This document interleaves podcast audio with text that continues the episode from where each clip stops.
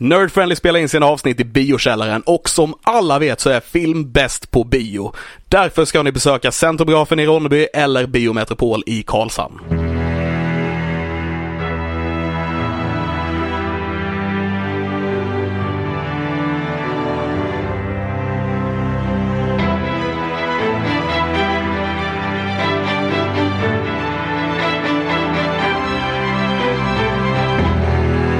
Hejsan allihopa och välkomna till dagens avsnitt av Nerd Friendly Podcast. Nerd Friendly! Jag sitter här tillsammans med Christian fucking Fanlund. Ja, och jag sitter ju här tillsammans med Alexander fucking Levin. Och vi har lite energiskillnad här känner jag. Jag bara försöker pumpa upp mig själv. Ja, tagge, kom igång. Eh, för att jag var trött innan vi började spela in så jag bara försöker du vet Yes. komma in in the mode. Och detta är podden där vi snackar film, spel, serie och allt annat möjligt nördigt mellan himmel och jord. Eh, och välkomna. Eh, den här podcasten kommer vi snacka om saker som du kanske inte har sett. Och har du inte sett de här sakerna ska jag rekommendera att se dem först om ni inte bryr er om, eller om ni bryr er om spoilers. För vi lär ju spoila en hel del Yes. saker. Men om ni bara så här är nyfikna på eh, och inte bryr er om spoilers och bara nyfikna på om det är en film värd att se. Lyssna vidare vet jag. Ja, eller spel, eller musik. Ja, såklart. Eller såklart. vad det nu kan vara. Eh, men ja, först och främst eh, så sätter vi igång med vårt vanliga tema, filmen som vi har sett. Och av titeln så har ni säkert eh, räknat ut vad det är vi ska snacka om idag. Yes.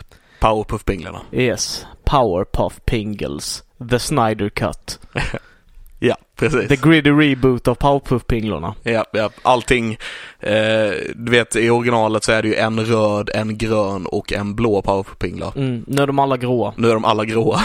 I olika nyanser av grå. ja, precis. Eh, och de har alltid en 50 konstant shades of grey. De har alltid en konstant svart skugga på ena sidan ansiktet. Jajamän, jajamän. Uh, yeah. Och eh, varje gång eh, eh, den röda powerpuff-pingeln kommer i bild så låter det uh, ja, nu vi ska snacka om uh, Justice League, The Snyder Cut. Uh, den fyra timmar långa uh, recutten som producerades utav Warner Brothers och blev betald av, av dem efter Ska, ska vi gå igenom lite background Ja men vi, vi, jag, ty jag tycker det är, eh, är inte mer än orimligt. Och även våra egna tankar och resonemang bakom den. För vi har ju under hela tiden som det här pågått så har ju vi varit ganska så hårt skeptiska minst sagt mot den här Mm, filmen mm. liksom. Eh, men du, du, du kan den här berättelsen bäst. Jag tänker du får, du får ta det. Ehm, ja, precis. Okej, så Och försök och, så lite som möjligt att vara nedlåtande och sådär. jag ska försöka att det var så eh, upplåtande som möjligt. Ja. Ehm, Okej, så Zack Snyder är en regissör som fick ansvaret att ta hand om eh, the DCEU, alltså the DC Extended Universe. Och filmer som ingår i DCEU är ju eh, Man of Steel, Batman v Superman, Justice League, Wonder Woman, Shazam, Aquaman. Eh, jag tror det är dem. Är inte Suicide Squad med i den? Suicide Squad också, det har du helt rätt i. Missade en där vi. Ehm, och eh, så han har liksom, han hade det övergripande ansvaret från början här vi. Han har gjort eh, filmerna eh, Man of Steel, Batman v Superman och Justice League i det här universumet och sen agerat som producent på de andra filmerna då. Mm.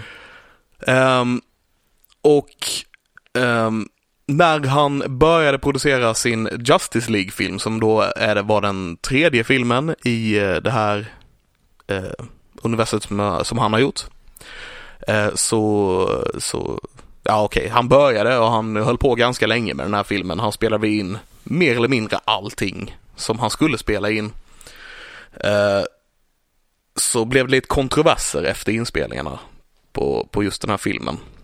Dels så fick Batman v Superman ganska dålig kritik för att folk tyckte den var mörk och deprimerande och den var för lång och folk var inte supernöjda med den helt enkelt. Så det gjorde att studion fick lite panik och eh, sa åt honom att eh, Justice League behöver vara en, en roligare film helt enkelt. Mm, mm. En roligare, en bättre film, mer humor, eh, ljusare, den får vara max två timmar lång. Och liksom kraven de ställde på, ställde på Zack Snyder. Han hade ju planerat på att göra en fyra timmars film. Mm. Ehm, och jag vet inte riktigt varför. Eh, Förlåt, nu blir det lite eh, så här. Men, men eh, rent tekniskt sett. Eh, biograferna har mer eller mindre ett max, en maxtid som de har för att släppa sina filmer. I, alltså inte i alla fall, de har undantag och så vidare. Men eh, det finns inte, år 2017 så finns det inte en möjlighet för någon att släppa en fyra timmars film på bio. Så jag vet inte riktigt hur tankegångarna gick där vi. Han tänkte kanske om jag gör det och ingen säger någonting så är det okej, jag vet inte. I alla fall så eh, spelar han in det här eh, men eh, det, det hände lite tragiska grejer. Hans dotter eh, tog livet av sig. Så han och hans fru som producerade filmen valde att eh, låta någon annan, att gå ifrån filmen helt enkelt. Låta någon annan göra klart den. Eh, studion tog in lite skilda uppgifter där vi. Eh, en del säger att Zack Snyder var med och valde Joss Whedon för att göra klart filmen och andra säger att studion bara plockade in honom och andra säger ja, det är lite olika. Eh, ja, vi vet inte riktigt vad som hände. Men i alla fall så kom Joss Whedon in för att avsluta filmen. Och han hade då i uppdrag att göra den här fyra timmars filmen till två timmar istället och samtidigt göra den roligare och ljusare. Och eh, om jag minns rätt så hade han ungefär eh, två till fyra månader på sig att göra det. Eh, hans budget för reshoot för att göra färdigt filmen låg på 20 miljoner.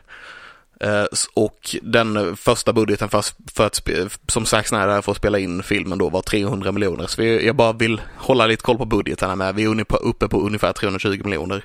Mm. Inte marknadsföring inräknat i detta.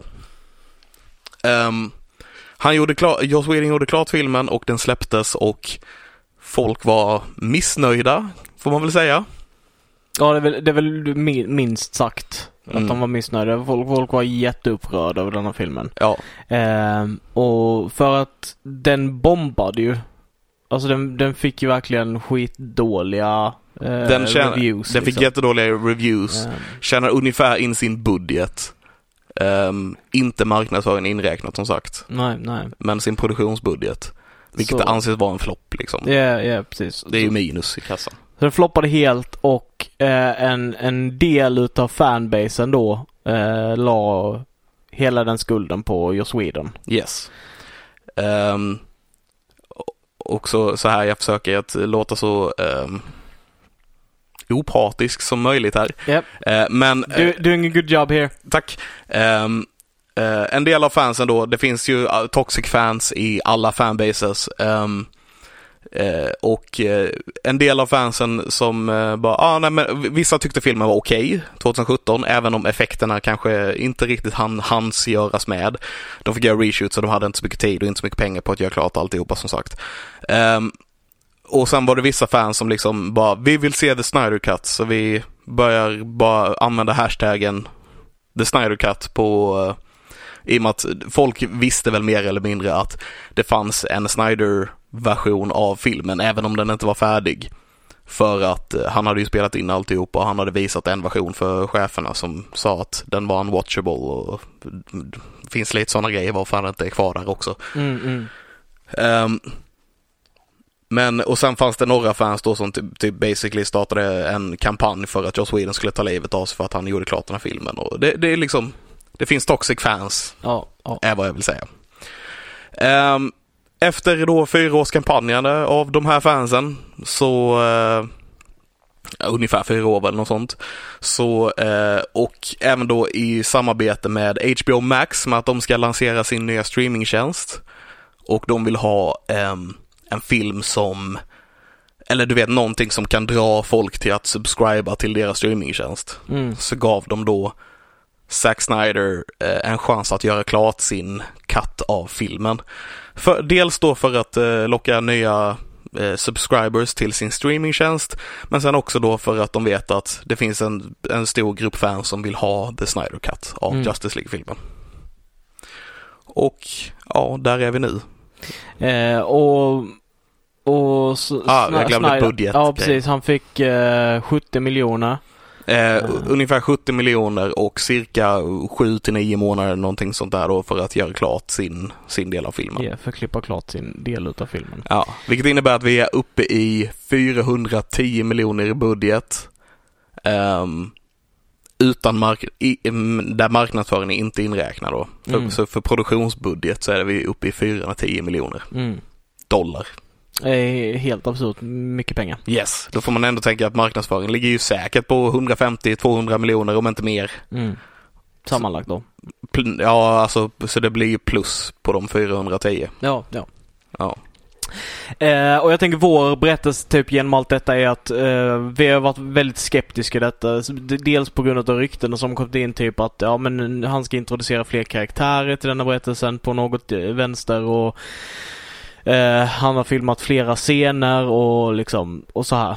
Mm. Eh, och jag tyckte inte Justice League var särskilt bra. Den hade några coola grejer i sig liksom. Eh, så jag har ju varit väldigt så här, den här kan inte bli bra. Det, det, det går inte. Nej. Det finns ingen möjlighet att den här filmen, som, som är en dålig film som de sträcker ut fyra timmar, kan bli bra. Och jag har haft precis samma tanke. Plus dessutom då att jag absolut inte är ett fan av Zack Snyder. Ja. Jag tycker att han, jag har, en- så här, jag har sett filmer av hans och som jag, okej, så här, det, det, det, alla filmer han har gjort, jag tycker inte om någon av dem. Mm. Jag tycker inte om en enda film han har gjort. Eh, men jag tycker att några av dem är okej på sin höjd. Ja. Det finns ingen som är above fem i vår popcornskala liksom. Nej, nej. Eh, och jag känner väl lite, lite detsamma. Alltså det, det som jag sett från Zack Snyder. Jag har ändå inte sett jättemycket från honom.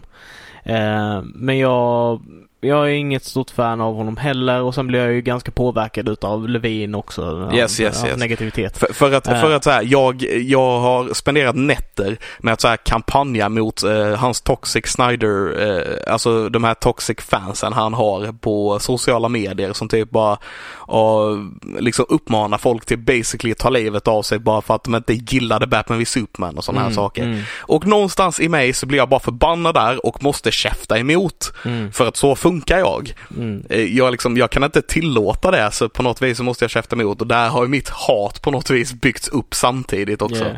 You're the rebellion, Ja, precis. tycker du. Och Tycker de jag. tycker att de är the rebellion. Ja. Eh, men i alla fall, i, oavsett vilket liksom, så har, du, har ju den här filmen och den här katten dragit upp starka känslor från alla olika typer av människor. Men jag tror att jag har hållit mig ganska så... Jag har typ varit väldigt skeptisk till filmen och sagt bara den kan inte bli bra, det kommer bli skit. Men jag har inte känt liksom någon ilska över att den kommer släppas och sådär. Utan det är typ mer varit bara, "Ugh, jag pallar inte. Mm. Ehm, men vi kände ju att eftersom vi driver den här podden som heter Nerd Friendly så måste vi se den. Vi måste se Vi den, måste, se den och vi måste den. prata om den. Så det har vi gjort och det är lite därför vi snackar om den just nu. Alltså så här, Precis. ehm, Det, precis, jag kände mig, jag, hade det inte varit för podden så hade jag nog antagligen inte sett filmen i ren protest. Ja. Lite så, efter, efter allt som har hänt liksom och efter allt så här. Men eh, med tanke på podden så kände jag mig tvingad till att, kände jag mig tvingad till att se, faktiskt se den. Så nu med lite backstory gällande de sakerna och vilka tankar vi gick eh, in med att titta på denna filmen. För jag tycker att det är väldigt viktigt när vi liksom snackar om detta just på grund av att vi i podden har snackat ganska mycket skräp om Snydercutten och hur trötta vi är på det liksom och inte, och inte vill ha med det att göra. Så nu så kommer våra tankar. Och den var helt okej. Den var okej. Den var okej. Alltså, den var okej. Jag vet inte vad jag ska... Nej. Det, det är kanske lite antiklimaktiskt att höra vår big setup och sen så avslutar vi med bara på en... Den, den var helt okej. Men, men sanningen att säga är liksom att det var... Den var mycket bättre än originalklippningen. Alltså det blir ju mer logik i den. Eh, filmen var ju skapad för att vara väldigt lång. Ja. Så när den blev nedklippt i halva tiden så är, då är det ju logik som saknas, säger sig självt lite grann. Yeah. Eh, den var långtråkig Ja, det var den. på sina ställen. Um, fastän sakerna liksom var viktiga för, för, för att bygga ihop plotten så kändes det som att... Verkligen inte allt dock. Eh, nej, nej, Nej. verkligen inte allt. Men en del saker var viktiga för att liksom få ihop plotten för att allting ska make sense för att fläta ihop alla karaktärerna. Så kändes det som, hade man inte bara kunnat inte göra det och göra en annan film istället där du inte behövde den här fyra timmar långa filmen liksom Mm. för, för det här. Ehm, Men detta är ju samtidigt lite av ett specialexempel också. Alltså, Ja, det, det är det, ju. det, det är ju en director's cut av filmen kan man ju säga. Ja, a- absolut det, det är det ju. Men sen samtidigt på något sätt så är det väl Ja, det är hans originalvision av vad han tänkte att filmen skulle vara. ja. Ehm, och vad han ville släppa på bio eller sådär. Ja, vilket är som sagt helt, jag, jag förstår inte hur tankegångarna gick. Bara, Jag vill göra den här filmen och släppa den på bio, den är fyra timmar lång. Han, han måste ju förstått någonstans att studion kommer aldrig gå med på det. Ja. Ja. Eh, och det finns ju en hel del pet peeves med den här filmen, eller saker som jag tyckte var jättetrådiga att ha att göra med. Dels är det, eh, Zack Snyder verkar inte ha eh, ett bra koncept för eh, musik till sina filmer. Jesus Christ musiken i Han, filmen. han har, alltså temat till Wonder Woman slängde han på så fort Wonder Woman var i bild och det var bara en, en, ja en kvinna som sjöng i typ så här oriental eller så här Ja, precis. Precis. Eh, och den, den var på hela tiden. Det var skitstörigt. Ljuddesignen genom hela var liksom också jättefrustrerande. Jag vet inte om det var så i den förra Justice League. Det minns jag inte ärligt talat. Men, men det är ju så, i sådana fall hård kritik mot den också. Men så här, varje gång Batman hade på sig Batman-dräkten så hörde man hur tydligt de hade bara pitchat ner hans röst. Mm. Och det störde igen mig jätte, jättemycket störde jag mig på att de bara pitchar ner hans röst. Um, samma sak Steppenwolfs röst också lät jättedum för den var bara nerpitchad. Och det, det, det hörde så tydligt att den var liksom Lite som när jag störde mig på att uh, uh, Hulkens röst i Ragnarök, att den var liksom autotunad. Det var Mm. så här, what the fuck gör ni? Um, jättekonstiga grejer alltså. Mm, mm. Eh, och liksom alla de här bitarna. Och du hade liksom den här första scenen där, där Superman skriker ut i anguish medan han dör liksom. Där de, har, de hade lagt liksom hans skrik kom i vågor över hela världen. Och det var liksom fem minuter där du bara hörde Supermans skrik komma i vågor. Precis. Med doppler, med dopplereffekten också. Så det var... Det, var, det var verkligen fem minuter Ja. av det. Det, det är så ridiculous val liksom att göra. Och det, det var så mycket sådana grejer i denna film där man bara, vad, vad var tanken här? Vi hade, vi hade en scen där där eh, The Flash räddar en kvinna ur en bil och eh, liksom... Oh my god.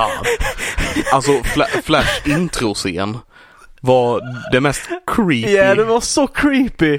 Alltså jag vet inte hur de tänkte. Det, det kändes som de ville på något vis att det här skulle vara en romantisk scen. Ja, Men det var bara creepy. den var bara creepy. Han, så här, han springer fram till henne så hon är i slow motion som typ 90% av den här filmen var i och för sig. Men, Ja. eh, och han, han springer fram och typ tafsar henne i ansiktet och Ja. rör på henne och sen plockar han fram, så tar han en korv som liksom flyger i luften och man bara nej vad ska du göra med den korven?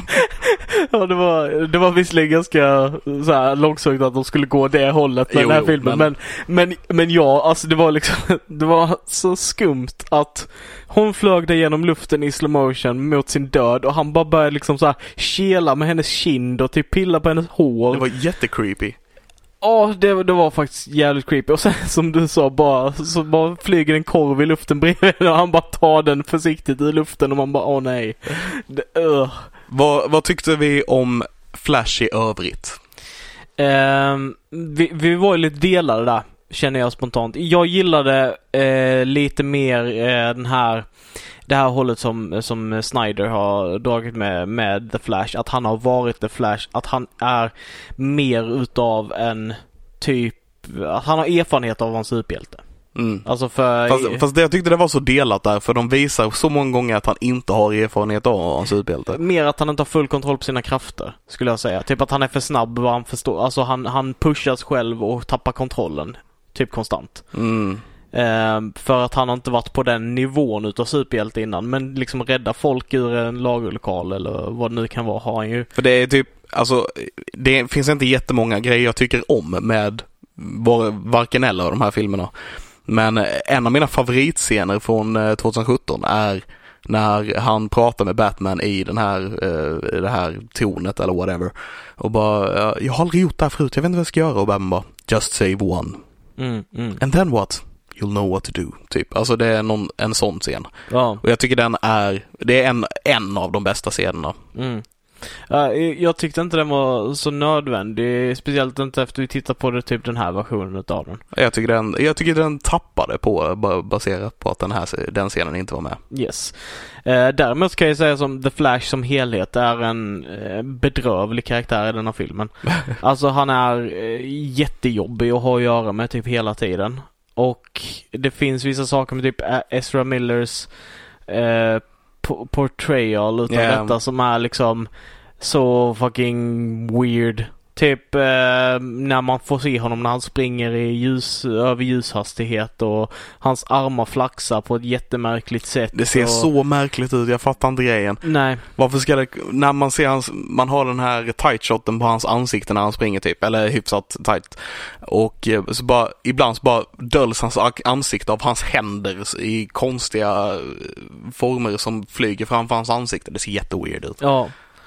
Nej, jätte, jättekonstiga val med de här. Och sen så var det typ, de var inte så consistent med hur hans speed funkade i regel med eh, fysiken utav resten av världen. Typ ibland när han var uppe i en jättehög hastighet så bara flög han eh, jättelångt om han snubblade. Och ibland så bara stannade han ett par meter därifrån. Och så. Alltså det fanns ingen consistency med hur hans Nej. speed funkade med de sakerna. Däremot vet jag, du sa det när vi kollade på filmen och jag håller med dig. Scenen när han eh, räddar de här människorna från the rubble som faller ner mot dem. Ja, Den var den snygg. och riktigt snygg faktiskt. Får ge dem det. Ja, verkligen, verkligen. Uh, faller massa stenar ner liksom och han bara plockar dem i luften och du, du ser liksom bara blixtrarna runt omkring och får bara stillbilder av Flash ovanför varje gång han tar en sten liksom. Ja, Bara och det, ja det var riktigt snyggt. det var det faktiskt. Ehm. Får ge dem det.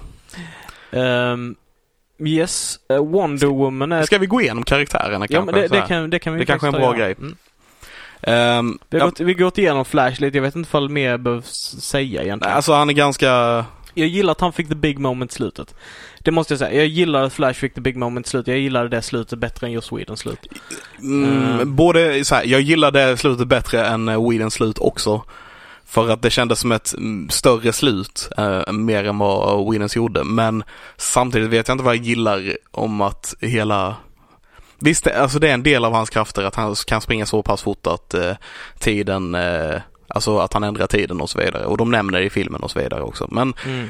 det kändes inte... Eh, det känns som att det ska komma konsekvenser av sådana av såna grejer av att ändra tiden. Och det gjorde Ja. inte det här utan här bara gick allting perfekt istället av att de gjorde det. Eh, Och det var, jag vet inte, på något vis så störde det mig. Jag, ja.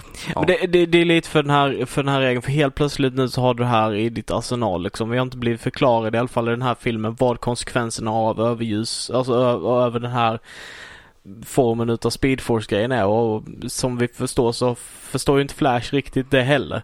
Eh, men varför skulle han inte bara kunna springa tillbaka hur långt som helst? Alltså vad, vad, vad, vilket problem kan de inte lösa med den här formen utav time travel? Ja, ja verkligen. Alltså det är det som blir konsekvensen utav att det inte finns någon konsekvens. Nej. Eh, Han ka- hade, ha- det, de kanske, ja fast det är ju inte... Det, är det kanske det som stör mig? Att vi fick inga rules of time travel, men vi fick time travel. Ja, ja precis. Vi fick ju inga rules för någonting. Nej, princip. nej. Alltså vi hade inga regler på på eh, fysiken eller nivån utav krafterna eller du vet sådana här saker. Nej, men verkligen. Det, det var liksom bara Ja. Ja. Ehm, precis som eh, Cyborg liksom. Ehm, du kan göra vad som helst, hur som helst. Som Mm. maskiner göra. Allting.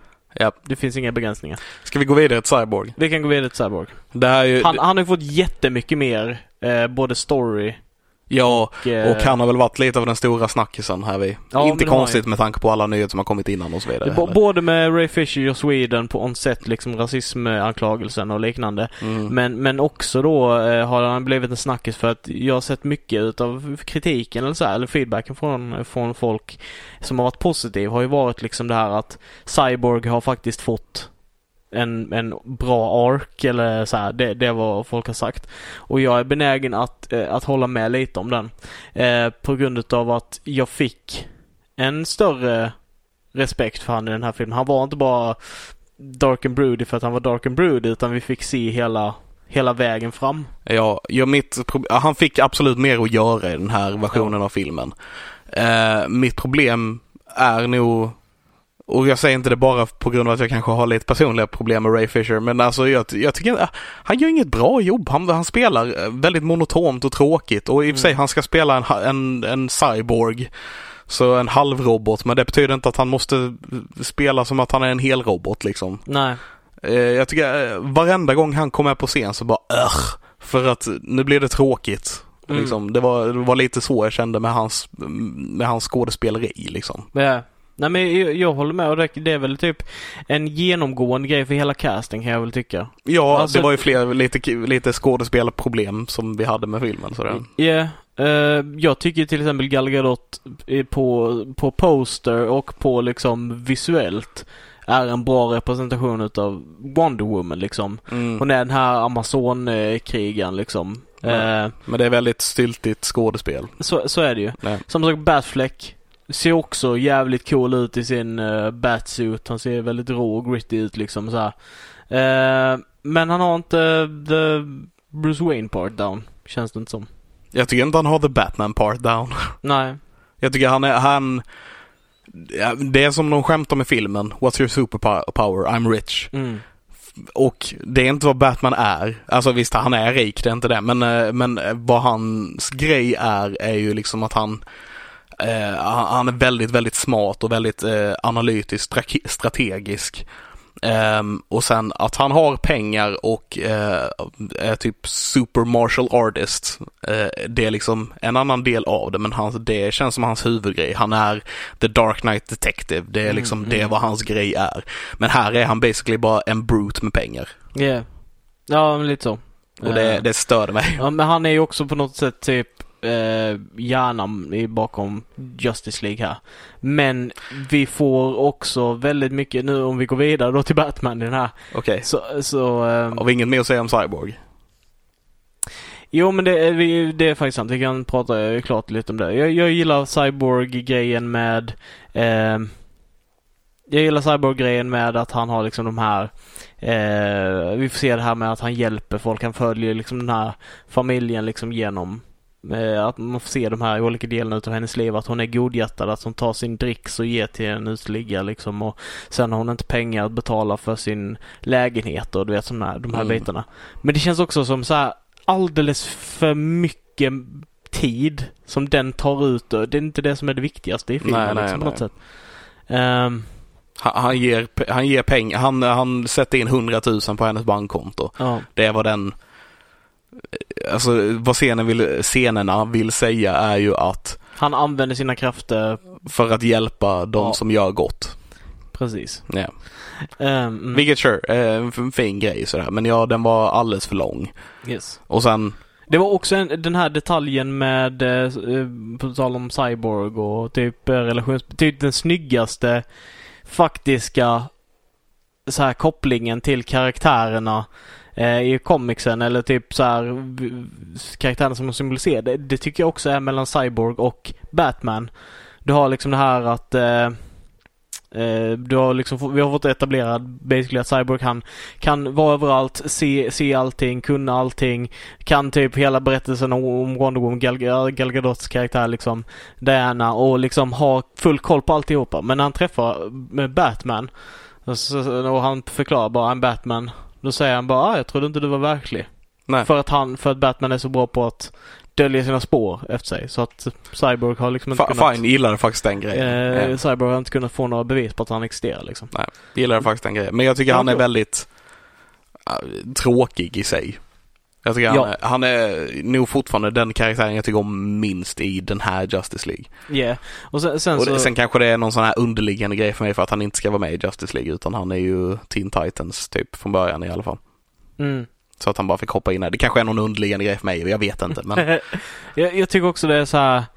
Eh, jag tycker det, det är weird också med liksom he, hela den här ehm, för jag kan ju inte Cyborg som karaktär också så det har väl med det att göra men, men att det är det som utlöser liksom hela fighten med Stålmannen.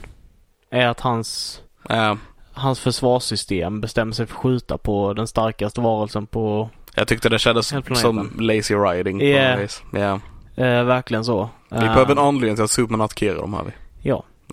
Och jättekonstigt. Och sen vet jag inte ifall det var med i den originala Justice Sense också. Men hans jävla miniarmar som kom fram hela De tiden. är inte med i den andra för jag bara what the fuck, vad hände där? De är jättekonstiga. Det är jättekonstigt. Och bara hans look överhuvudtaget ärligt talat. Ja, Hans, hans, det, det ser för jävligt ut. Måste jag säga. yes. Många grejer ser för jävligt ut med den designen. Yes. Ehm, jag håller helt med dig där. Ja. Jag gillar dock när han har hoodie på sig. Nu har vi varit väldigt bara- negativa känner jag. Eh, Eh. filmen var fortfarande okej. Yeah. Ja, men vi, vi, vi är nitpicky. Vi pratar igenom de här bitarna med vad vi tycker och inte tycker om dem. Ja, ja. Ehm, ja, ska vi gå vidare från Cyborg? ja, kan vi göra. Ja. Han var ju som sagt min, det jag tyckte om minst i filmen typ. Yes. Så jag bara, som karaktär åtminstone. Ja, Jag, jag är nog benägen att hålla med dig. Mm. Eh, sen så kan vi ta, vi ta Batman. Som känns så inte Batman. Han känns inte som Batman. Nej. Det är mitt största problem Det, det, det kan jag säga i, i, i um, Your Swedens version. mm. Känns han lite mer som Batman. Jag håller med. Ehm, han har liksom den här, du, du har, de har liksom ändrat den här grejen så att det är Batman som ser till att Lois Lane kommer till, Mm. till den här platsen och han har sagt liksom I have a contingency for this. Ja. Uh, liksom vi har fått mer utav den Han sidan har utav planerat upp det mer där. Yes. Han, har, han har en strategi så att säga. Mm. Ja precis, han, han är mer Batmanig i den andra versionen. För, och det är bara små grejer som har gjort att han blir mer Batmanig också. Ja, det, det, är också det här liksom i, i den här versionen säger han hela tiden bara eh, det, det, det är liksom implyat att Batman inte vet om saker och ting kommer fungera eller sådär. Han, han planerar inte att det ska fungera utan han har bara faith. Vilket sägs flera gånger, ja. Han, han bara tror. Och Eh, det är bara, det är inte Batman. nej. Det handlar inte om faith för han liksom. Det, ja, nej, ja. Han känns väldigt inte Batmanig. Mm. Och då får jag ändå säga att även om inte jag gillar Batman v Superman så är väl Batman den bästa delen med den filmen. Mm. Sen kanske det är att han blir bättre för att allt annat är dåligt eh, hos hos oss. Men eh, Ja. Nej, jag vet inte. Men eh, ja, nej, det, ja. Men, eh, men alltså, ändå, jag jag är ändå okej med Ben Affleck som Batman får jag säga. Eh, även om han inte är så Batmanig i den här filmen. Nej. Och jag tror ju inte att det är Ben Affleck som väljer att spela. Jag tror att det är väldigt så här, ett väldigt Snyder är ett val. Snyderigt manus som, som han Ja. har typ var tvungen att eh, efterfölja. Lite så, manuset är ju inte i toppklass. Nej. Eh, det finns ju många sådana här klassiska eh, inom situationstecken fel för att när man skriver ett manus finns det inte direkt några fel eller så här utan det finns mer riktlinjer att gå på. Mm. Några grejer är ju show don't tell. Mm, mm. Eh, vilket, jag, vilket jag tycker är väldigt märkligt för eh, Zack Snyder är väldigt visuell regissör. Han, går ju, han, han är ju helt och hållet på det visuella. Mm. Men i den här filmen så väljer han typ att ha flera gånger, bara så här 15 minuters perioder när allting måste förklaras med dialog för att han inte kan visa det av någon anledning. Mm. Eh, vilket är eh, en no-no liksom Yeah. i, när Så- man skriver. Samtidigt där så har vi också liksom en typ 10 minuters full CGI-sekvens där Steppenwolf hoppar igenom the plains of Amazonia och jagar amazoner i dålig CGI liksom. Ja, alltså ja. det är så här. Vad hände med budgeten? Vad, vad hände med liksom, och det är inte snyggt heller för det är Nej. så jävla mycket. Ja, Och precis. Alltså valen med de här bitarna liksom It blows my mind. Ja, It really does. yes. Uh, Men det, jag tycker det är, som sagt, det är märkligt att man behöver ha att det, någonstans måste man ju veta att det här manuset är inte bra när vi måste ha liksom flera olika så här 10 minuters scener där Wonder Woman måste förklara vad som händer i filmen så att publiken ska fatta vad som händer i filmen. ja. Det betyder ju att det är inte, här är inte bra skrivet liksom. Mm, mm. Ja. Jag gillade dock, eh, jag måste säga att jag gillade mer typ de här inblickarna på Steppenwolf. Ja, absolut. Eh. Man fick lite mer, man fick, han fick lite mer kött på benen. Ja. Däremot känns det som han inte är lika smart. Han känns mer intelligent i den förra filmen. För att man inte fick se hur dum han var, eller? K- äh, Jag vet inte riktigt. Jag vet inte, jag bara fick känslan av att han känns dummare i den här filmen. Men däremot fick han lite mer är en för, anledning till varför han gör det. ja men det är för att i denna filmen så är han ju inte det the main the villain. main villain. Nej, Eh, utan han är bara en hejduk liksom också. ja. Eh, och det framgår väldigt tydligt liksom. Ja, Ja. absolut. Jag tror det är så här lite ändrad dialog och lite sådana här grejer som gör att han Kanske även lite utseendet som bara får mig att tänka att han är lite dummare också. Jag vet inte. Ja, kanske. Men det är lite ändrad dialog och sådana grejer som Det känns som jag, han, man gör han lite intelligentare i den andra filmen. Men som sagt, han har mer backstory här. Vi får en anledning till varför han gör vad han gör och det är ju också någonting jag kan uppskatta. Men också någonting man kan göra när man har två timmar till på en film. Ja. Jag gillar designval med typ såhär när han pratar med eh, ja, Darksides eh, vad heter det, hejduk eller hans eh, rådgivare eller vad man ska säga. Mhm. Genom den här stelplattan, äh, stålplattan. Det var inte de snyggaste effekterna men jag gillar konceptet av det. Idén var bra men eh, de hade behövt lägga lite mer tid på att fixa till det så att det ser bra ut känns som. Eh, Wonder Woman, vad kan man säga? Mycket mer upskirts. Mycket mer upskirts. Eh, Jag menar eh, Visst, så här, den förra versionen fick skit för att Flash eh, landar på henne vid ett tillfälle typ. mm, Eh, mm. f- Så att den fick skit för att eh, de, det blev liksom sexistiskt och sådana här saker. Men den här filmen har ju liksom, den visar ju upp hennes kjol väldigt många gånger. Ja. Så det känns som han tonade ändå ner det i den förra filmen på något vis. ja, på ett sätt. Ja. Nej, så, så det... Däremot Wonder Woman i sig, som sagt, vi har pratat lite om henne innan. Jag tycker att hon, hon passar i rollen. Men hon hade behövt lite acting classes liksom typ. Ja, och sen samtidigt så, så vet jag inte liksom, för jag vet inte ifall jag klagade så mycket på skådespelet när hon gjorde Wonder Woman-filmen. Det kanske var så också, men det känns som att det är liksom, Jag tyckte det var lite stilt i de filmerna med. säga. men det känns som att helheten till alla de här karaktärerna, typ det de har gemensamt, är att de är så tillbakatryckta. Mm. Att de ska liksom vara de får inte vara larger than life, liksom bigger than humans. Alltså de, de ska på något sätt vara, och det är väl kanske en utav visionerna, att det ska, de ska vara liksom visas, när de inte är superhjältar så är de vanliga människor eller någonting. Jag har, jag har ingen aning, men det är liksom väldigt lite närvaro från dem. Samt, samtidigt så är deras krafter på en högre nivå i den här filmen också känns det som. Ja, verkligen. Det känns som de är mycket starkare i den här filmen. Det så, tycker jag med.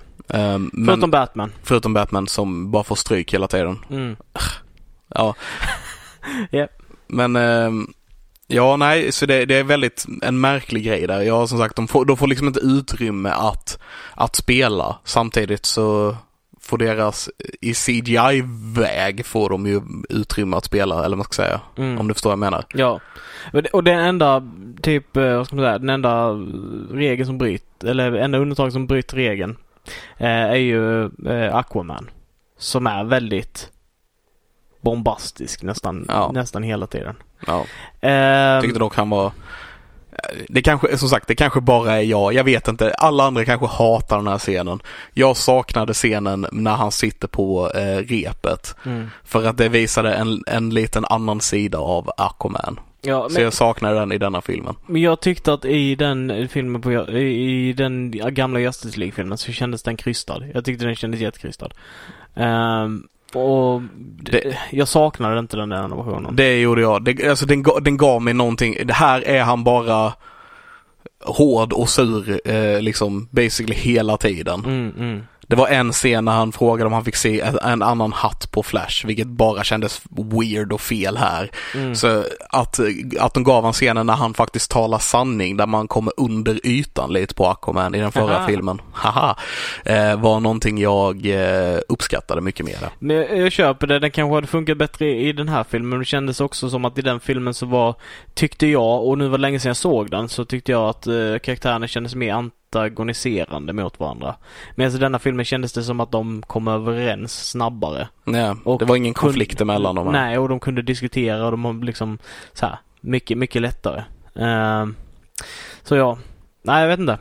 Det, det, det ja. Det är, eh, vi, vi kommer till det sen. Vi kommer, vi kommer till det. Vi går vidare till, uh, fortsätter snacka lite om Wonder Woman just liksom vad hennes, hennes del är i den här filmen. Hon är ju badass och cool som vanligt liksom. Alltså Mm. tycker jag med hennes krafter. Det var några saker som såg ganska dumma ut i Ja. CGI-väg och sådär. Eh, Ja, alltså den här, när de har sin eh, hero moment i slutet. Ja. När, när de alla är... Det såg det så typ ut som scenen från Age of Ultron, ärligt talat. Ja. Eh, som en Whedon-film. Eh, när liksom de hoppar upp och alla gör sin hero pose och så bara blir det slow motion i en sekund och sen så fortsätter det i normal takt. Mm. Eh, jävlar var den så dålig. Ja. Alltså, eller jag gillade poserna och så vidare kanske, ish. Men, eh, men eh, det såg ju tecknat ut typ. Det var ju, det såg ut som jättedåliga stunt doubles. Ja. Och jag tror att en del utav det har att göra med formatet. För vad vi inte har snackat om också i det här är ju att hela den här filmen är i 4.3 format. Japp. Eh, så det är inte någon widescreen uh, 1080 eh, Nej. eller ja, full HD-version. Så det är full HD men det är ju... Det, det är, I- det är IMAX-filmat är det. Mm, mm. Så då har vi, och vanligtvis när man visar IMAX på den andra så brukar de liksom eh, dra det hela vägen till bredden så då tappar vi lite på ovan och under. Här har man lagt allting i mitten istället så vi får hela bilden så att säga. Mm, mm. Men istället så blir det ju, det blir svart på sidorna istället liksom. Ja, Ja, det känns väldigt 90-tal. ja, verkligen. Nej. Ehm, och vä- väldigt konstigt. Ja. Underligt att se en film på det sättet. Eh, och sen så, var, sen så upplevde jag ju lite att vi hade eh, lite kvalitetsproblem med, jag vet inte om det var HBO eller någonting. Det kändes som att det, var, Eh, HBO har ju fått ganska mycket skit för att de inte håller samma standard som andra streamingtjänster. det, det är pixelerade och sånt eh, runt omkring karaktärerna och, Mm. och massor. Och fun fact, bara när vi ändå pratar just om streaminggrejen. Mm. Vi, både du och jag eh, la märke till att eh, tiden är kortare än vad det står att den ska vara. Ja, Det står att den ska vara typ fyra timmar och två minuter eller något sånt där.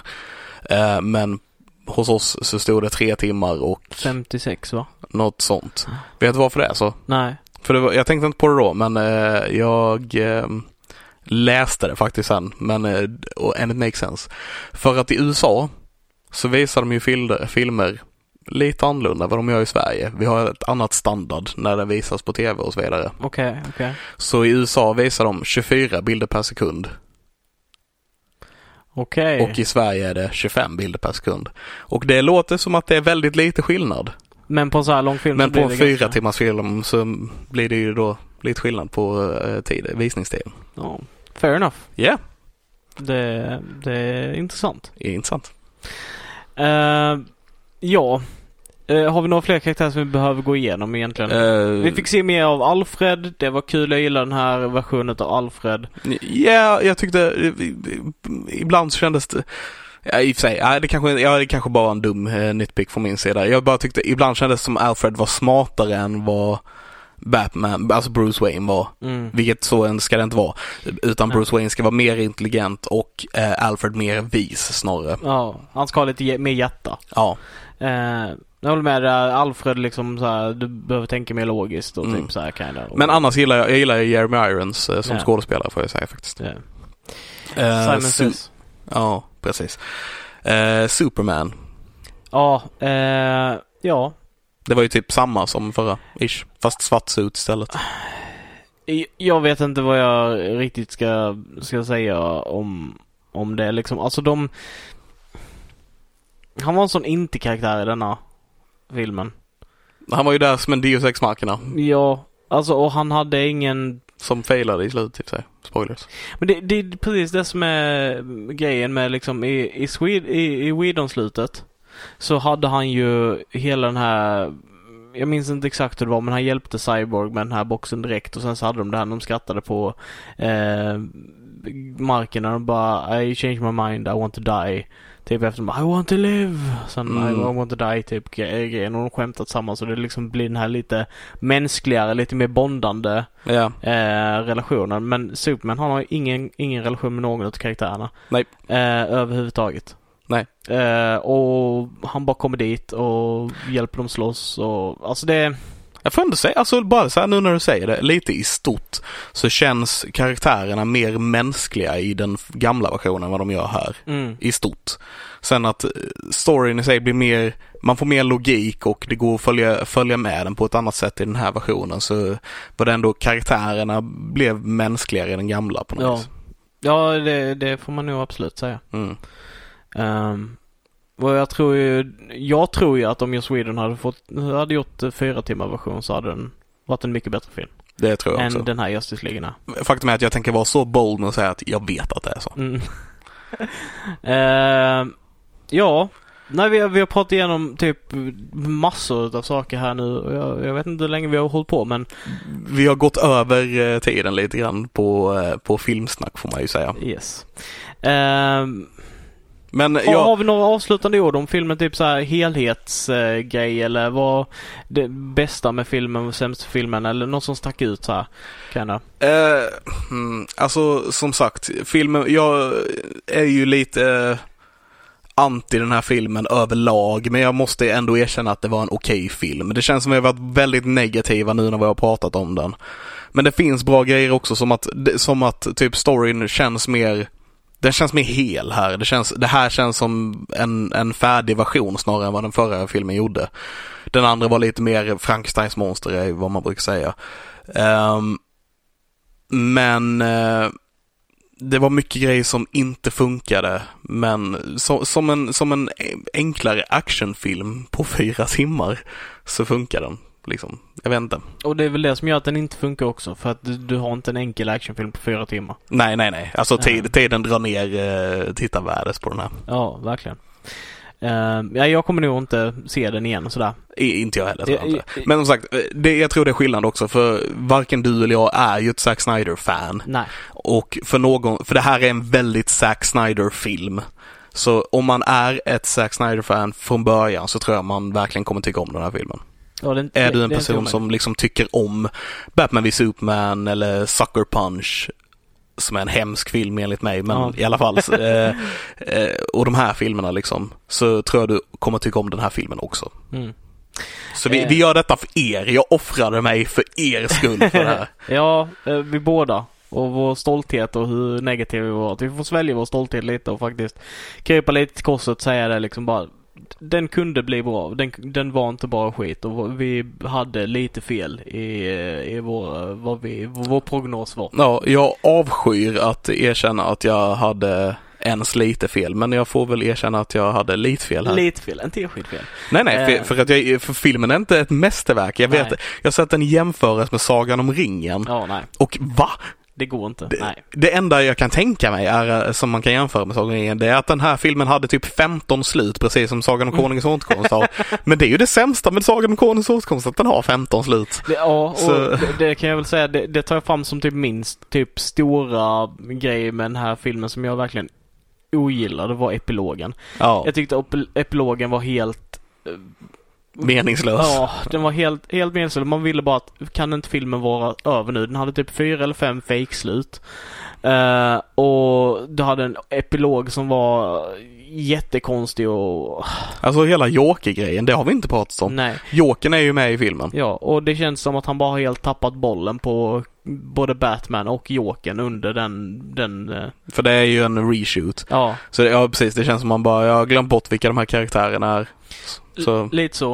Och, Ja. och du har också den här eh, scenen med Lex Luthor och eh, Joe Magnello, mm. som han inte heter utan Deathstroke liksom, som ska bygga upp för framtid som inte För kommer. det var med i förra filmen också, men den var lite annorlunda där. Okej, vad- jag minns inte det. Det var ju en end credit scene på första Justice League. Ah, Och eh, i den säger han, då, det är samma scen basically, så liksom Deathstroke kommer till båten, Lex Luthor sitter där och de har någon slags konversation, kommer inte riktigt ihåg hur den går och den avslutas med att Lex eh, Luthor säger “Shouldn't we have a League of our own?” ah, okej. eh, Legion of Doom. Medan i den här versionen då så avslutar det med att Batmans real, real name is Bruce Wayne. Vilket ändå är en kul detalj för det hade byggt upp för Ben Afflecks som är jättedum har i den här filmen då uppenbarligen för det hade byggt upp för Ben Afflecks Batman som inte blir av så Ja, ja. ja. Det känns som man la in många sådana här grejer som att du vet för att bara okej så det här är vad som hade hänt om jag hade fått fortsätta göra DC-filmer. Mm. Det känns som att han äggar upp, eldar på de här eh, det- fansen för att, det ska, för att han ska få göra fler filmer. Det är inte helt omöjligt att det blir så heller. Eh, Nej, och Restore the Snyder Cut har ju blivit en stor grej nu efteråt. Ja. Och snälla, snälla, snälla. Ni fick er Snyder Cut, det är över nu. Kan vi inte bara, kan vi inte bara lägga ner det här nu? Lå, låt den dö. Vi vill inte ha fyra timmars eh, Batman. Nej, vi vill, jag vill inte ha mer DC-filmer från Zack Snyder. Alltså, det, det alltså, jag har, jag har väntat hela mitt, sen jag var typ fyra år och började kolla på The Animated Series, kanske fem år, I don't know. Eh, så har jag liksom väntat på att få se The Showdown mellan Batman och Superman. Jag har väntat hela mitt liv på det.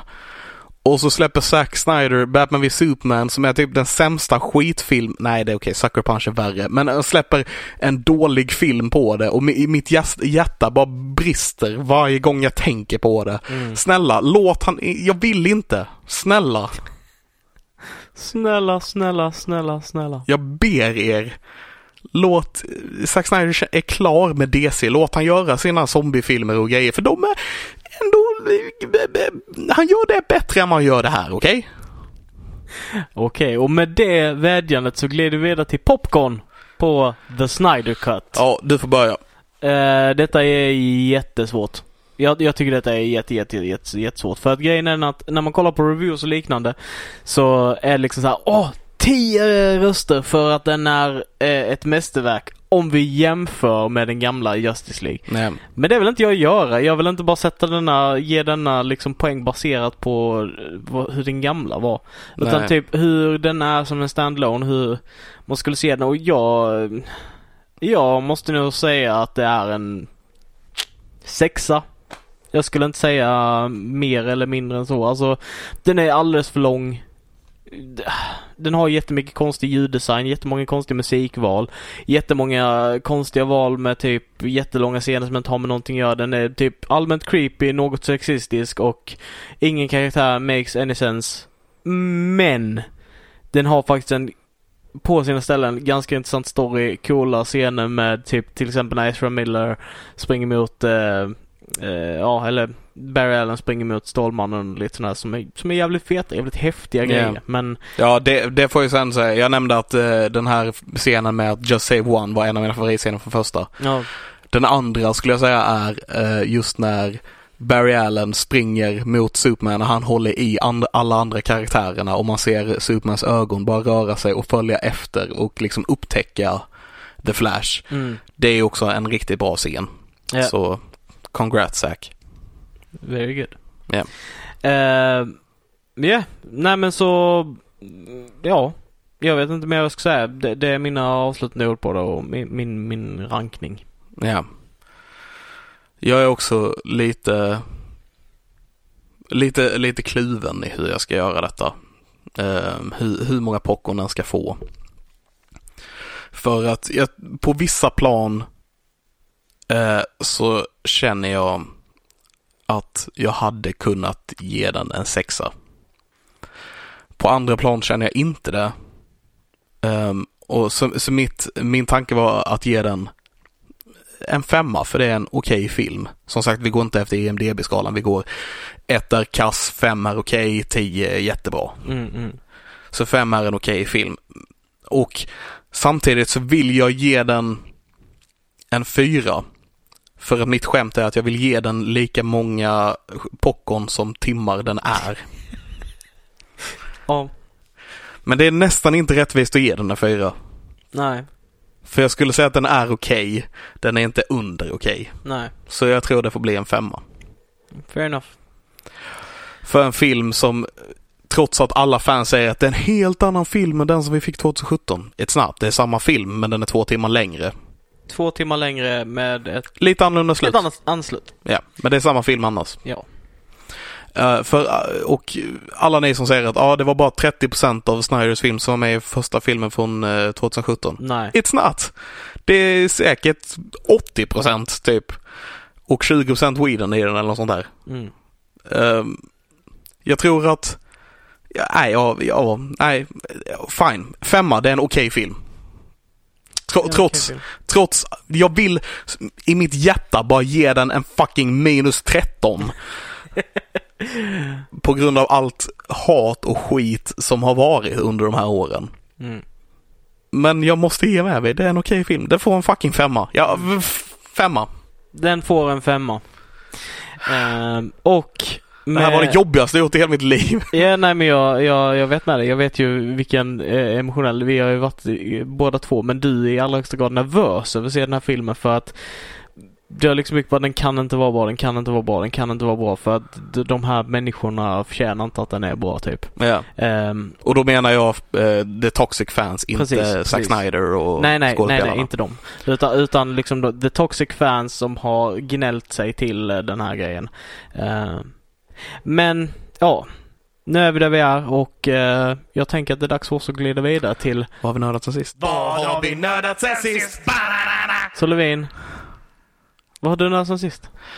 Eh, inte jättemycket kan jag inte säga. Eh, jag har mest gått och varit nervös inför att se The Snyder Cut. Mm. Eh, men jag kollade på ehm, den här HBO-serien eh, The Flight Attendant. Jag tror jag sa att jag hade börjat kolla på den sist. Med Kylie Cuoco. Uh, Kaylee Cuoco. Coco. Cuoco. Croco. Cuoco. Cuoco. är det Cuoco? I alla fall. Kylie Cuoco? Hon, hon får Big Bang Theory. Ehm, och eh, jag gillar den. Det är en mystery show liksom som börjar med att eh, vi får lära känna då en flygvärdinna eh, som också är alkoholist och liksom åker runt och jobbar som flygvärdinna på planen, är alltid bakfull när hon jobbar typ, men och sen så festar hela dagarna när hon är i de här andra länderna. I ett, i, jag kommer inte ihåg vilket land det var nu, Turkiet eller något sånt där kanske. Eh, I alla fall, eh, Thailand var det nog. Eh, så träffade hon på en snubbe som hon mötte först på planet, som hon liksom gav drinkar till på planet sådär. Eh, och de hit it off och liksom festarna under tiden de är där nere typ varje dag. Och eh, dag, samma dag som hon ska åka tillbaks, eh, flyga vidare så att säga, så vaknar hon upp med hans döda kropp jämte sig i sängen. Mm. Han, han har fått halsen uppskuren så det bara ligger blod i sängen och hon vaknar upp där och är helt chockad och har ingen aning vad som har hänt. Och eh, hela alkoholistgrejen och så hon vaknar, hon har en blackout, hon kommer inte ihåg någonting heller och är skitnervös. Ringer sin advokatpolare som eh, säger och liksom frågar Säg inte att, hon, att någonting har hänt eller någonting utan bara frågar om en annan grej där en flygvärdinna eventuellt var inblandad i ett mord och vad som hände. Och frågar om hur straffen ser ut i Thailand och sådana här saker. Och advokaten berättar hon blir supernervös och städar lägenheten och du vet, Mm, mm. gör alla grejer man inte ska göra i ett sånt läge. Mm. Och typ åker därifrån sen och sen så blir det ju då en mystery där hon försöker basically rentvå sitt namn samtidigt som FBI jagar henne. Mm. Jag gillade den får jag säga. Ja. Jag tyckte den var Den var både lite rolig och lite, lite spännande och den hade många bra grejer. Jag gillade faktiskt den serien. Var den på Netflix eller? På HBO. Okej. Eh, och sen har jag också kollat, börjat kolla på en eh, serie som Bryan Cranston, Walter White från Breaking Bad, har gjort ehm, som heter eh, Sneaky Pete. Mm. Eh, som ett kul namn, eller kul att säga åtminstone, Sneaky Pete. Sneak Beat. Ehm, som handlar om en snubbe som inte är Bryan Cranston, som är, eh, som är eh, Giovanni Ribisi, en skådespelare. Han är i Avatar om jag inte helt fel. Ehm, som, eh, det börjar basically med att han sitter i fängelse och man får reda på att han sitter i fängelse för att han är en con man, att han lurar folk och sådana här saker och han är trött på sin cellkamrat som konstant pratar om sitt liv och sin barndom och eh, det är lite för mycket för han typ. Mm. Och sen när han släpps i fängelset får han reda på då att eh, en typ big shot maffiaboss, a.k.a. Bryan Cranston, Mm. vill ha honom död. Så han bestämmer sig för att åka till sin cellkompis eh, mormor och morfar och låtsas att han är sin cellkompis. Okej. Eh, för att de, han, de har inte sett han på 20 år för att han ja, hamnade lite snett där, sådär guess då. Mm, mm. Eh, så han, han basically tar upp sin cellkamrats liv och eh, ja, lite så. Jag, jag, jag gillar, jag har bara sett några avsnitt men jag gillar den än så länge får jag säga. Okej. Nej, kul. Ja, men vad har du nördat sen sist Christian? Eh, jag har spelat ett uh, roguelike action-spel som heter Curse of the Old Gods. Eh, du spelar eh, eh, en, en snubbe som går ner i typ uh, Maya-inspirerade tempel och typ får ner vapen. Och, ja, lite så. Eh, lite den typen. Du, du kan faktiskt ha en piska som vapen och eh, pistol och fackla och sådär. Ehm, nej men så det är, det är ett ganska, ganska okej okay spel. Det har inte så mycket till story utan det är bara typ mechanics. Uh, fungerar lite som Hades fast som sagt bara mechanics, ingen story. Och inte alls lika uh, intressant med typ abilities och liknande utan det är bara vapnen du får liksom sådär. Uh, och det är ett väldigt svårt spel kan jag väl säga. Mm. Det är väldigt, mm, ja, det, det är svårt. Uh, ja, ja, ja, ja, det är svårt. det är svårt, okej, okay, det är svårt.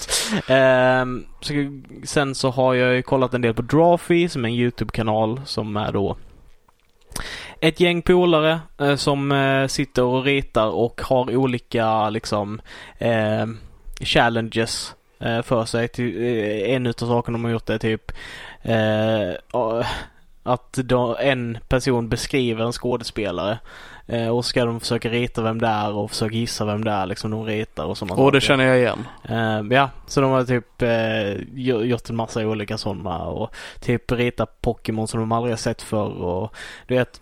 Jag tror jag har sett saker. det också faktiskt. Jag känner igen det jättemycket. Så de får bara lite beskrivningar så de testar att göra dem och ibland så har de så här speeddrawings där de berättar om hur deras tankevägar och hur de, deras processer när de ritar så. Det är verkligen en superintressant show som ja, någon som gillar att teckna och rita så, och kanske för andra också. Eh, men den är jättebra. Jag tittar på den också ganska mycket.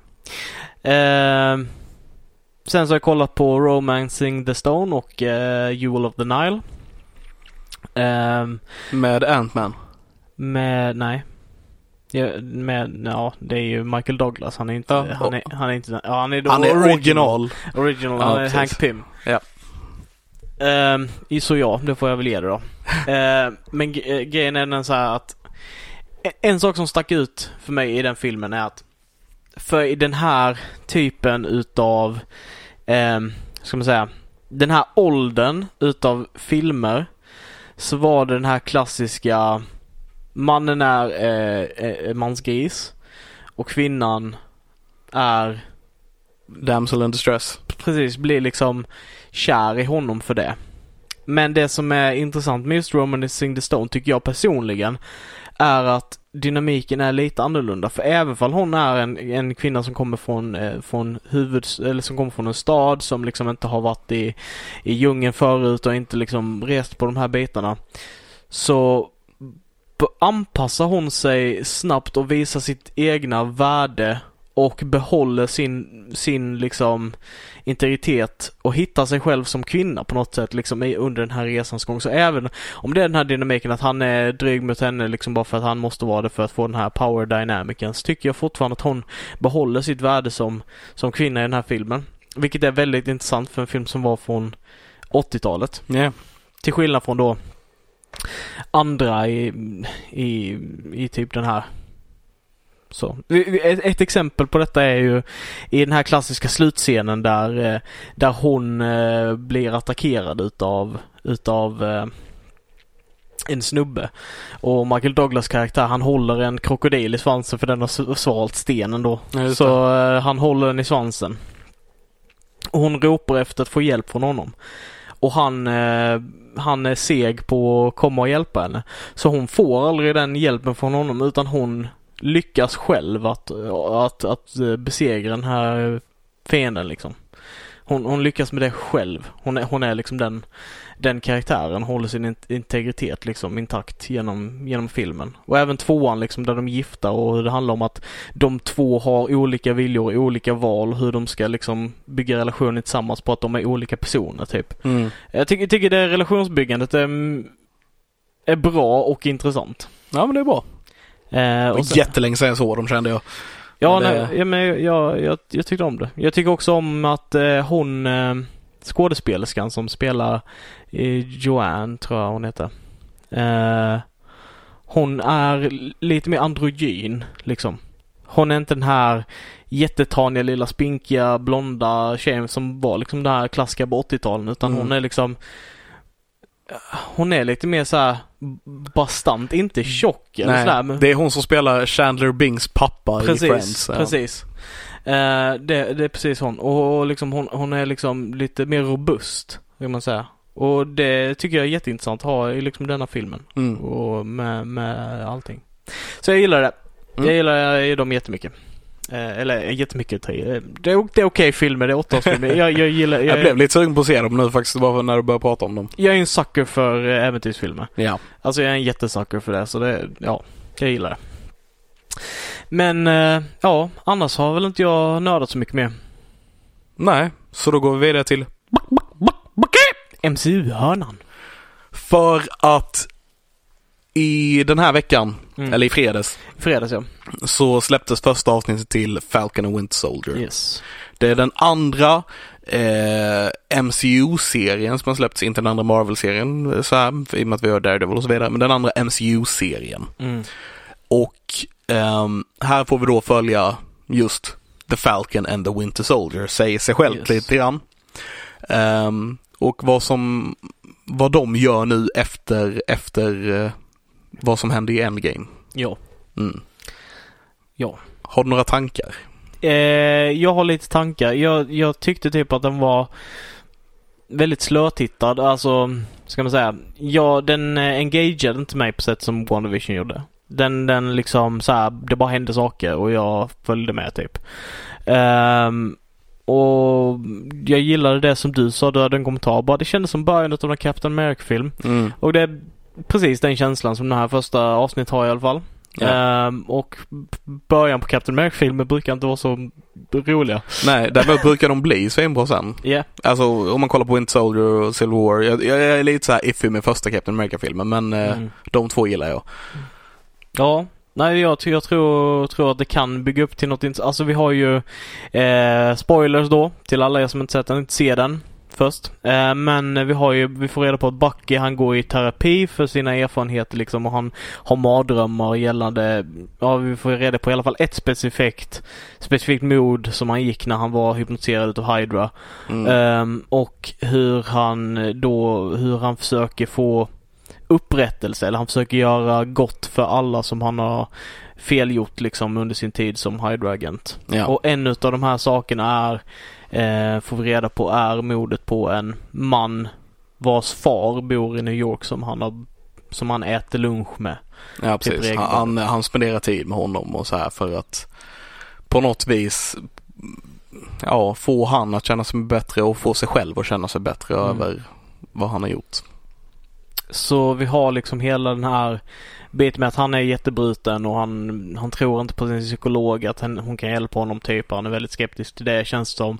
Eh, han är inte ärlig med henne och han, ja. Ja, han anlitar inte riktigt på den här typen av medicin känns det som. Jag vet inte om medicin är rätt ord för det ens. han är från en annan tid. Ja. Och sen så har vi ju då eh, Falcon som strugglar med att han har kommit tillbaka efter The Blip och hans syrra har varit ensam med deras typ familjeföretag i de här fem åren han har varit borta och han har inte kunnat hjälpa och hon, hon har strugglat med betalningar och hon har tröttnat på att försöka struggla och hon vill liksom bara bli av med den delen av deras liv och han han är oändligt optimistisk i att han kan fixa det för att han är Falcon och För att han är en. Avenger, Ja, ja. för att han är en Avenger och samtidigt som han strugglar då med att han han ger upp tanken att, eh, att fylla Captain Americas skugga liksom på något sätt får vi se honom göra Det detta. kän, det, ja, precis. Det känns som att han... Eh, det, det jag känner på, så här är att han...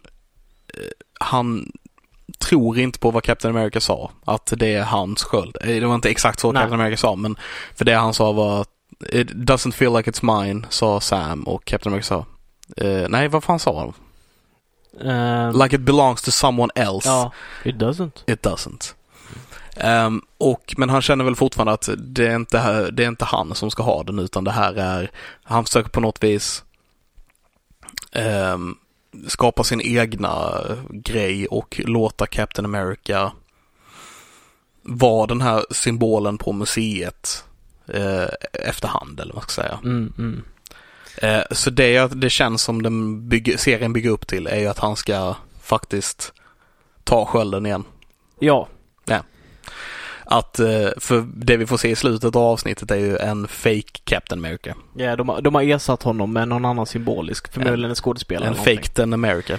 Eh, Ja, om vi nu ska snacka lite teori, för det var typ den enda saken som gjorde mig lite engagerad i just storyn utav detta. Och det är ju liksom, vem kommer den här personen vara? Och jag, jag har ju känslan av att han kommer vara en typ Homelander type. Inte alls samma styrka och sådär men Nej, jag nej. tror att han kommer vara En lite... riktig douchebag. En riktig douchebag. Jag, jag tror att det är en alternativet. Jag, tror- jag tror det är antingen en eller en annan grej som kommer hända. Antingen kommer man, han vara en riktig douchebag eh, alla Homelander. Eller så kommer han bara vara så en dum puppet som regeringen kan styra. Ja. Eller en kombination av de båda. Eller en kombination av de båda. Eh, Det, det känns som det är något av det. Han kommer inte vara där för eh, freedom and the American way and whatever. nej. Eh, utan eh, det- han, det känns som att antingen så blir han utnyttjad av regeringen för att vara en symbol, precis som Captain America blev i början i och för sig. Mm. Eh, men det känns också douchebagigt på något vis. Ja, ja, han kommer nog vara lite både och tror jag. Eh, men vi får se hur det blir med det. Just nu första avsnitt så har det inte byggt några stora frågor och liknande. Vi har bara fått se var är de nu i berättelsen och... eh, Vi har fått ett intro. Ja, En intro till en Captain America-film utan Captain America. Utan Ja. den riktiga Captain America. utan en riktig Captain America. Eh, däremot så gillar jag, jag, jag känner en liten koppling mellan den här och WandaVision nu i början i alla fall. För WandaVision handlar det mycket så här om familj på något vis. Wanda skapade sin egna familj, skapade sina egna barn, det är väl som man brukar göra men inte på det sättet hon gjorde det kanske. Ehm, och skapade sin egna vision. sin Här- egna vision av... Ja, precis. Sin egna vision av familj. Och här så blir vi för första gången introducerade till Falcons familj. Ja, Och eh, vi får se hur hans relation och eh, är med, med familjen och det, det känns väldigt familjigt alltihopa. mm. Och kollar vi på eh, Bucky så pratar, de har, det finns en hel scen dedikerad till just hans familj om hur dö, att de är döda och han har liksom inga, han har inga längre utan han är själv nu. ja, Eh, så jag gillar kopplingen där vid att eh, än så länge så verkar ju Marvel-serierna handla om familj. Och att vi kanske får se hur, eh, hur eh, Falcon och Wind Soldier blir en familj. Vi har sett, eller jag har sett i alla fall i trailern att de bråkar ganska mycket och sådär. Det känns som att de kommer bråka som om de vore bröder om du förstår vad jag menar. mm, mm. Att det, det blir en familj i den här serien också precis som det blev i WandaVision. Och sista avsnitt på denna säsongen kommer börja med Carry on my wayward son. Jag hoppas det. Det kommer det inte göra, men jag hoppas det. De bara kommer upprullande i en Impala och bara Ja, precis. We're supernatural now. Ja. Men vi, eh, också en grej som jag funderar på är eh, den här Red Hand Flag Smasher eller vad fan de hette. Något sånt. Mm. Den här gruppen som basically bara vill att det inte ska finnas några länder längre och att det ska vara lite mer som det var under den här five year gap när alla var bortblippade. Ja. Ehm, för den ena snubben där, han som verkar vara den ena snubben där helt enkelt, han, han verkar ju vara superstark. Ja. Kan det, vara, kan det ha någonting med Super Soldier Serum grej att göra? Att de försöker bygga in den biten lite grann i den här serien också. Att det är eventuellt ett serum som de ska försöka ge till den nya Captain America. Det är även det serumet som gör eh, skapar skurken i Hulken-filmen. Mm. Eller en version av det i och med att man inte får till kombinationen riktigt då. Nej, nej. Alltså jag, jag, det det känns ju som det. Ja, Just på grund utav, eh, just på grund utav att de har liksom intresserat den här nya, nya Captain America. Och på något sätt känns det ju som att då vill de väl att han har samma portfölj utav abilities eller krafter som den gamla Captain America Mm. och genomgår liknande process. precis. Men grejen med det här serumet var de väldigt noga med i Captain America-filmen att Den framhäver typ deras starkaste precis. liksom You don't need to be a beteende. good soldier, you need to be a good man eller Ja, någonting ja. sånt där ju. Så ja, det känns som om det är en grej som de kommer plocka fram i den här Det, serien. det är det jag tänker också att han kommer vara en, en, en typ he, he, vad heter det, det kommer vara, vara någon sån där bara han, eh, han eh, blev, eh, vad heter det, belönt för att han var den bästa i sin årskull utav tränade soldater och han har fått flera medaljer för hans heroiska insatser över hela världen. Och sen så kommer de ta fram det så kommer han bara liksom vara en Precis. en För- för- krigsgalen, eh, maktgalen eh, idiot liksom. Ja, för utan den här forskaren som valde specifikt Steve Rogers så hade de ju valt han, jag kommer inte ihåg vad han heter från första filmen, men. The Bully, mobbaren helt Ja, enkelt. ja. Och nu har de inte han forskaren så att då kommer de välja mobbaren. Ja, ja jag tror det. Ja. Eh, vi får se. Vi får se. Eh, nästa avsnitt kommer på fredag. Mm. Så, eh, och jag är taggad. Jag är taggad också. Jag menar, jag är inte lika taggad som jag var med WandaVision. Det kändes som jag var mer engagerad i den. Mm. Men vi har bara fått ett avsnitt än så länge. Jag gillade det, kändes som ett intro. Eh, jag gillar att vi fick se han, eh, den franska bad guyen från Wind Soldier-filmen igen. Mm. Eh, det var kul. Jag bara, hej rackar! Mm. Ehm, så jag, jag gillar det men vi, vi, det känns som ett intro, det känns som en början och jag vill se hur det fortsätter. Hade velat ta två avsnitt direkt i början på Helst ja, det hade varit ännu bättre. Eh, men om vi är klara så kan vi gå vidare till nördnyheter.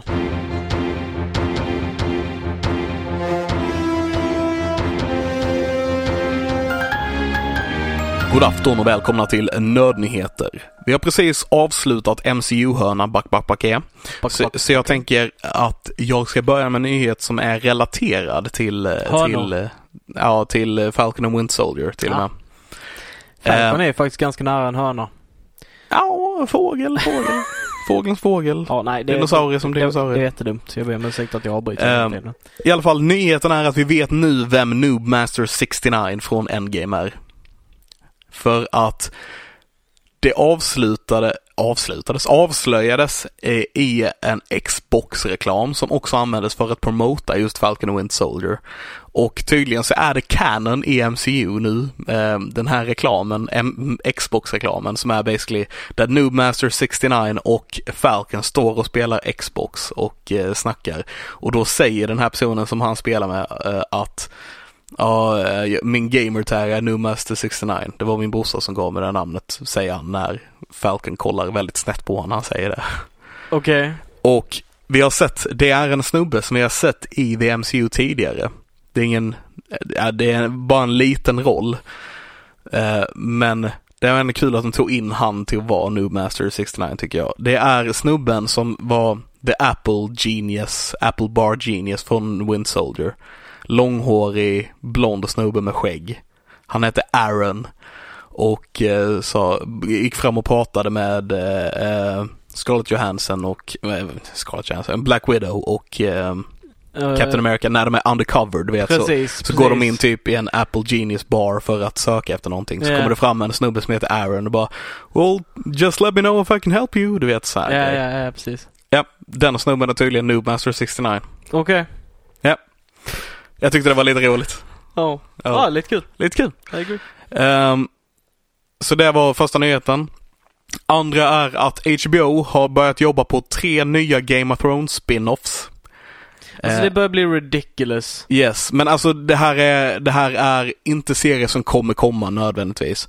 Utan det är mer att det är serier de har börjat fundera på om de ska bli av och de kanske gör en pilot för att se om de ska fortsätta med den. Mm. Så jag rapporterar ju bara alla små grejer jag hittar om Game of Thrones. Så det här är ju bara liksom, det, vi vill ha spin-offs på Game of Thrones men vi vet inte vad vi ska göra. Den enda vi har fått confirmad är ju House of the Dragon. Ja, men det, det är HBO bara, okej, hur fyller vi det här budgethålet som eh, vi liksom, som bara blev när eh, Game of Thrones inte längre gick. Mm. Jag vet, vi sätter Game of Thrones och sen bara tar vi all skit vi kan hitta om Game of Thrones, bara kastar på väggen och ser om något fastnar. De vill se om någonting av det blir bra. Lite Ja. så är det ju. Eh, Så de tre serierna de börjat jobba på är en som heter Nine Voy- Voyages som handlar om eh, eh, mm, om, om, om upptäcktsresande i världen tror jag. Typ. Eller något åt det hållet. Eh, en som heter Flea Bottom som handlar om de fattigaste i Kings Landing. Jag kan tänka mig att det skulle bli en lite så här tjuv kind of a thing serie. Eh, och sen en som heter 10,000 Ships som handlar om Princess Nymeria som är basically hon som ehm, gjorde Dorn till vad Dorn är idag. Okej. Mm.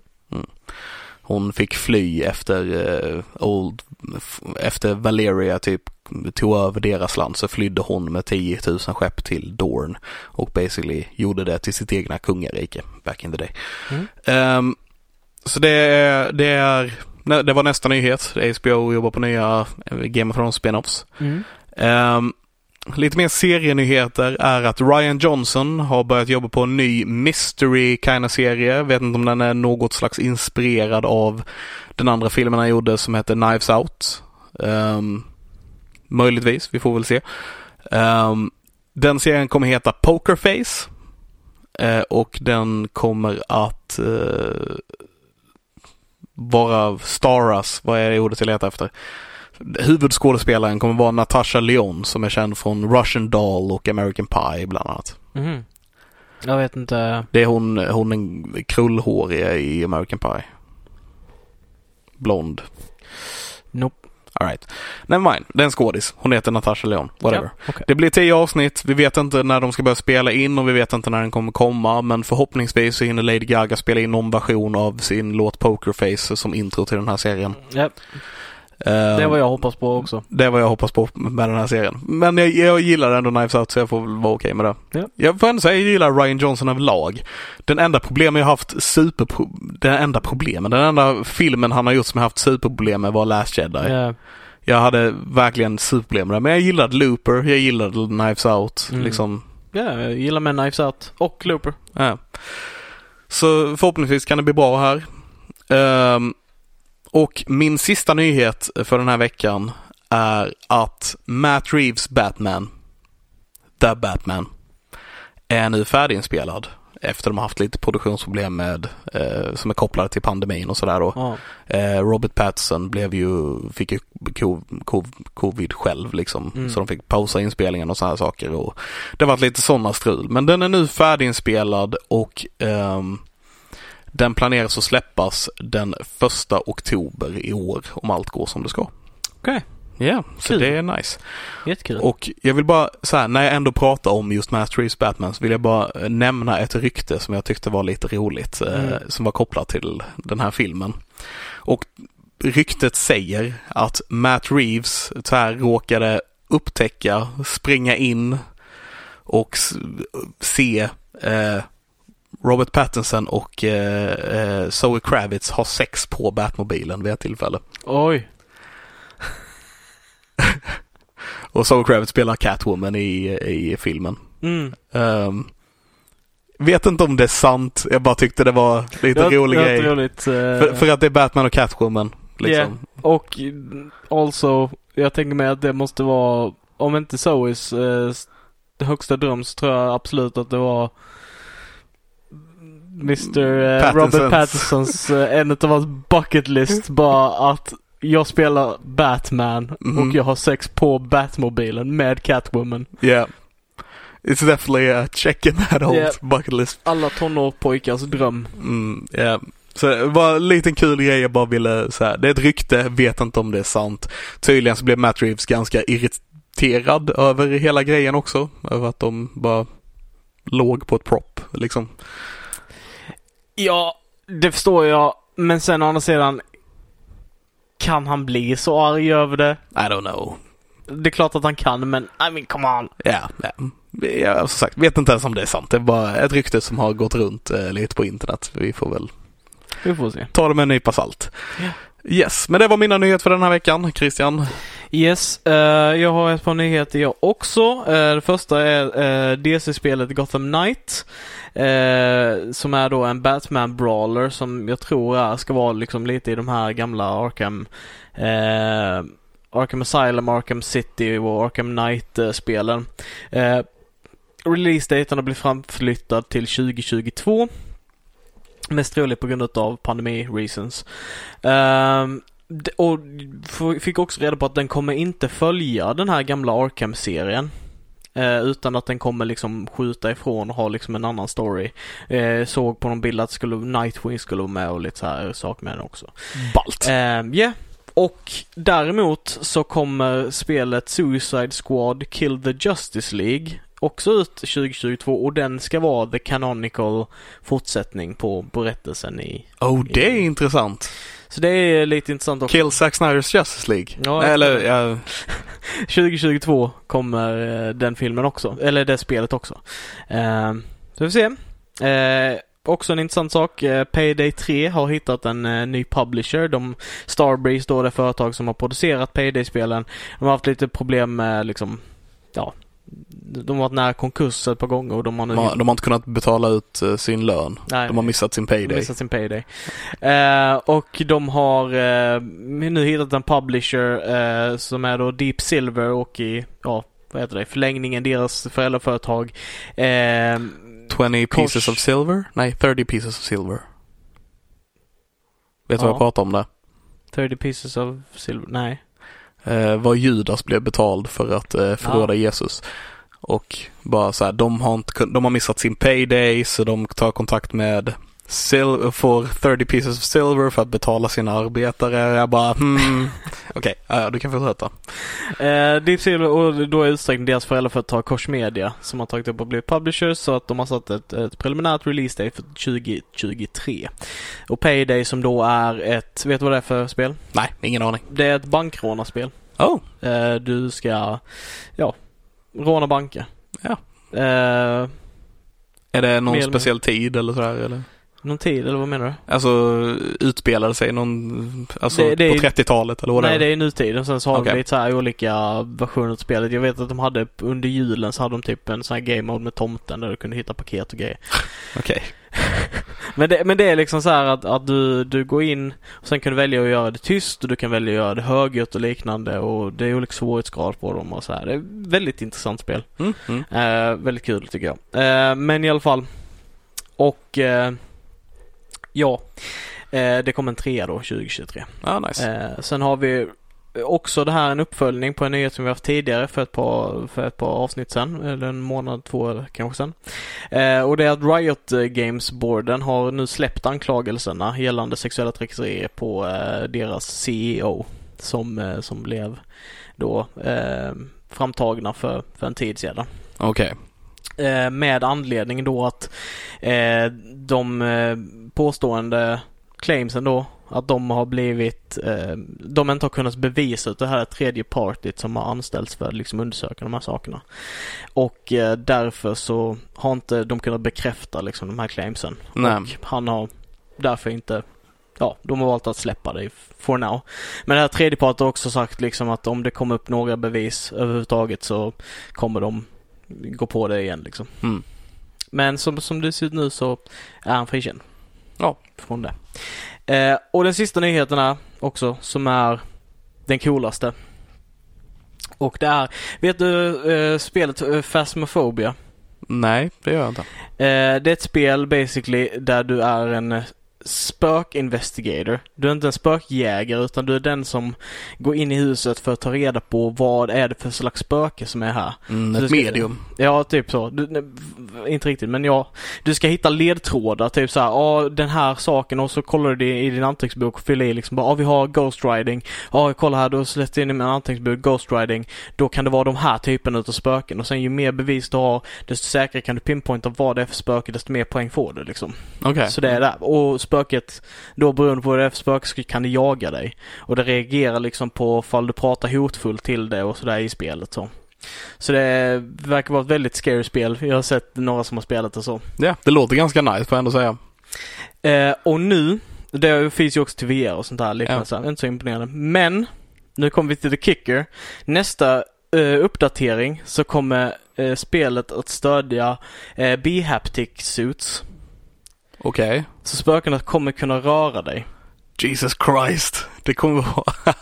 Så det finns alltså suits som, de, som har motorer som har rörelser så, så de, ja, ja. du kan liksom känna av tryck på kroppen där spöket rör dig. Så, som den filmen... Uh, Ja, precis. ja, Ready, Ready, Ready, Player One. Ready Player One. Så det är en sån suit liksom. Yes. Och så kommer man bli jagad av spöken och skit. Yeah. Ja, det låter eh, horrifying. Yes. Ja. Och det låter som framtiden. Och Ja. jag nämnde lite för dig tidigare liksom att det här, är- det här är coolt. Ja. Det här är vad jag har sett fram emot jättelänge typ. vad Det låter på väg. svinballt faktiskt. Jag, jag gillar att vi är på väg ditåt. Ja. Eh, jag, har ing- jag gillade Ready Player One och jag gillar att vi, liksom, det är dit vi är på väg. Ja, ja, ja. Kanske inte allt det hemska då men Nej, men d- det, grejen med den är också då att, att eh, det är en ganska dyr suit. Eh, Jag tror det var 300 för bara västen och 500 för typ den senaste västen med typ lite mer saker. Och det verkar bara mm, primärt vara liksom bröstkorgen nu som det funkar på så. mm. Eh, men jag tycker det låter som en skitcool grej att kunna känna liksom tryck och liksom så här på, på kroppen. Speciellt med VR där man eh, där det faktiskt, alltså man blir ju bortglömd vad man är typ. Ja, när, ja, man, när man sätter ett sånt VR-headset på sig så. Ja, jag är jätteexalterad över den. Ja, det, det låter jättehäftigt får jag säga. Men det är min sista nyhet för idag. Eh, och eh, då är vi väl klara. Då är vi klara med det här jättesuperhjältiga avsnittet som vi har haft idag. Vi har, det har varit fan en timmes Snyder Cut-prat nästan. Ja, Eh, och sen då Falcon och Winter Soldier och sen lite, lite mer normala grejer kanske man ska säga under vad vi har nördat sen sist. lite så. Och en del bra nyheter med tycker jag. Eller jag, fan, jag gillar alla nyheterna vi sa idag typ. Ja, Vi har, så. ja, det här var ett bra avsnitt ska ni veta ni som Ja. lyssnar på det. Jag gillar ett avsnitt också. Ja. Jag hoppas att ni gillar det med. Jag hoppas med det. Eh, dela det med era vänner och familjemedlemmar om ni tyckte om det. Om ni hatar det så dela det med era fiender. Hur som helst så vill vi att ni delar det. Precis. Det hade varit jättesnällt. Det hade varit jättesnällt. Håller ni med oss om allt vi har sagt idag? Vi har snackat väldigt mycket om Snyder Cut liksom. Ja. Håller ni med oss vad vi säger eller tycker ni vi är totalt dumma i huvudet? Skriv gärna det. Ja, Inte att vi är dumma i huvudet, men, men skriv gärna eh, ja precis. vad ni tycker och tänker om filmen. Ja, vad, skriv vad ni tycker och tänker om filmen, så det är vi jättebra. Så hörs vi nästa gång helt enkelt. Yes. Puss på gumpen. Ha det gott! Hej! Hej!